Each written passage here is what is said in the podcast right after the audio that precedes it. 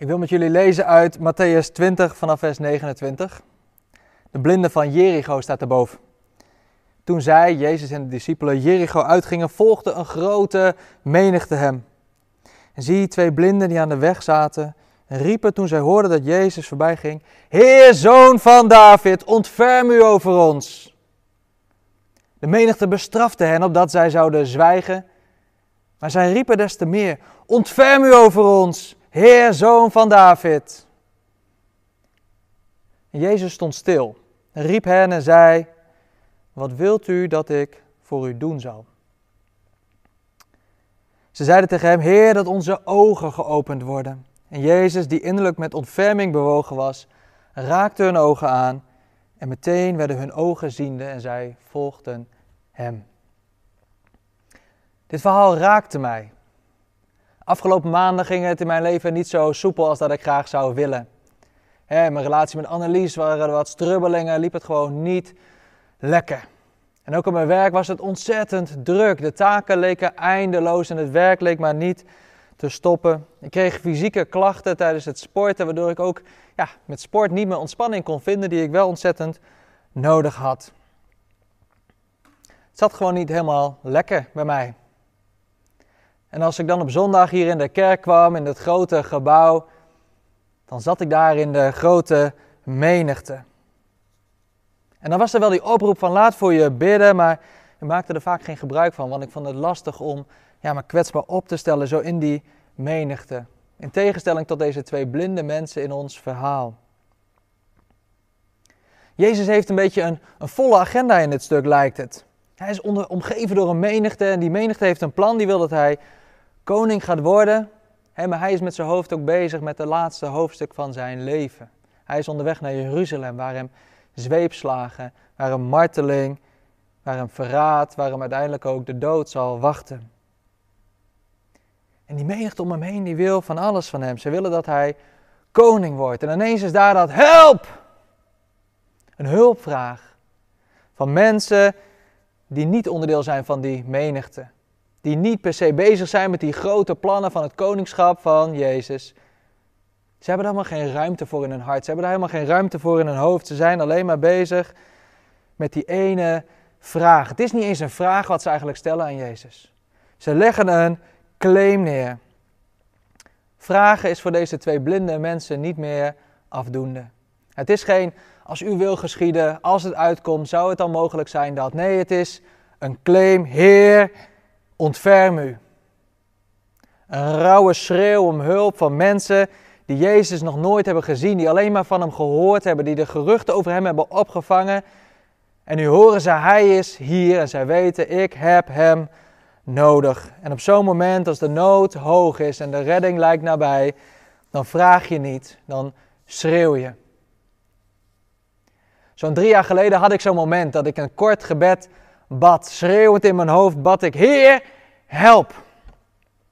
Het zat zo, mijn dochtertje van drie, die was onderweg. We zagen lekker aan het water. Het was april, het was nog koud. Het was helemaal geen weer om in het water te zijn. En zij drentelde wat zo langs het water. En op een duur dacht ik, misschien is het goed om erachteraan te gaan. Dus ik liep erachteraan en op een duur ging ik versnellen, want de afstand was best wel groot. En ineens nam zij een afslag de steiger op. En ik zette mijn rennen in om in, een lichte sprint. En dat ging steeds sneller en steeds sneller, want zij liep steeds verder en ze liep steeds verder. En het water naast haar en voor haar was al zo diep dat zij er al lang niet meer kon staan. En op het einde stond zij bij de stijger. En ik zei, Louise, stop! Zij draaide zich om, keek me aan met haar pretoogjes en een glimlach op haar gezicht. Draaide zich weer om en sprong zo in het diepe. Een meisje van bijna drie. En terwijl ik rende over die stijger die glad was en vol lag met vogelpoep, uh, bad ik, Heer, help, ik mag nu niet uitglijden. Ik was onderweg, ik had Jezus hulp nodig. En wat mij raakte in die hulpvraag van deze twee blinde mensen, is dat die menigte in beweging is en dat Jezus stilstaat. De claim die zij leggen op Jezus, die beantwoorden zij. Zij roepen namelijk, Heer, ontferm u en dat is precies wat er gebeurt. Jezus raakt met innerlijke ontferming bewogen. Ja, Jezus is onderweg naar Jeruzalem. Maar dat hele laatste avondmaal, die laatste woorden voor de discipelen, de verraad in Gethsemane, het kan allemaal wachten. Jezus staat stil bij de nood van deze twee blinde mensen. Jezus maakt tijd voor deze mensen vrij. Zoals hij ook tijd voor jou en voor mij wil vrijmaken als wij een hulproep naar hem uitspreken. Als die Kyrie eleison vanuit ons hart klinkt. Heer, heb ontferming. Dan is dat precies wat er gebeurt in het hart van Jezus. Hij staat stil en hij raakt bewogen. Jezus helpt. in mijn geval was het dat Louise nog één keer boven kwam uit zichzelf. Ik weet nog steeds niet hoe ze dat gedaan heeft, maar het gaf me precies genoeg tijd, omdat ze toen ze de tweede keer onderging om bij haar te zijn en het water te springen en haar boven water te tillen terwijl ik nog uh, zinkende was. En Jezus raakt ook deze twee blinde mensen aan. Hij geneest hen. Jezus gaf mij ook afgelopen maanden mensen bij wie ik kwetsbaar mocht zijn, bij wie ik mocht uitspreken dat het even lastig ging in mijn leven, met mijn blessure, in mijn relatie met de Annelies uh, en ook op mijn werk. Ik mocht even mijn hart luchten en mijn broers om mij heen die stonden stil, raakten met innerlijke ontferming bewogen en vroegen wat ze voor mij konden doen. Ze waren als Jezus voor mij. Ik ben ontzettend dankbaar voor onze gemeente. Ik kom elke zondag met veel plezier in de kerk. Maar zo'n enorme menigte, dat kan ook voelen als die menigte die Jezus navolgt. En als ik daar dan zit met mijn, met mijn nood en met mijn hulpvraag, dan kan het voor mij voelen als dat de menigte mij het zwijgen toeschreeuwt. Zwijg alsjeblieft over jouw problemen. We hebben veel grotere dingen waar wij mee bezig zijn. Jouw hulpvraag, jouw probleem, dat mag er niet zijn. Zo voelt het. Er is helemaal geen ruimte voor Kyrie eleison dan in mijn hoofd. En misschien herken je dat wel, dat je hier zit en dat je denkt, oh ik heb zoveel problemen, maar ik durf niet uit die menigte weg te stappen, want wat zullen ze wel niet denken, wat zullen ze wel niet zeggen? Wat zal mijn man of vrouw naast mij wel niet van mij vinden? Wat zullen mijn kinderen wel niet van mij zeggen?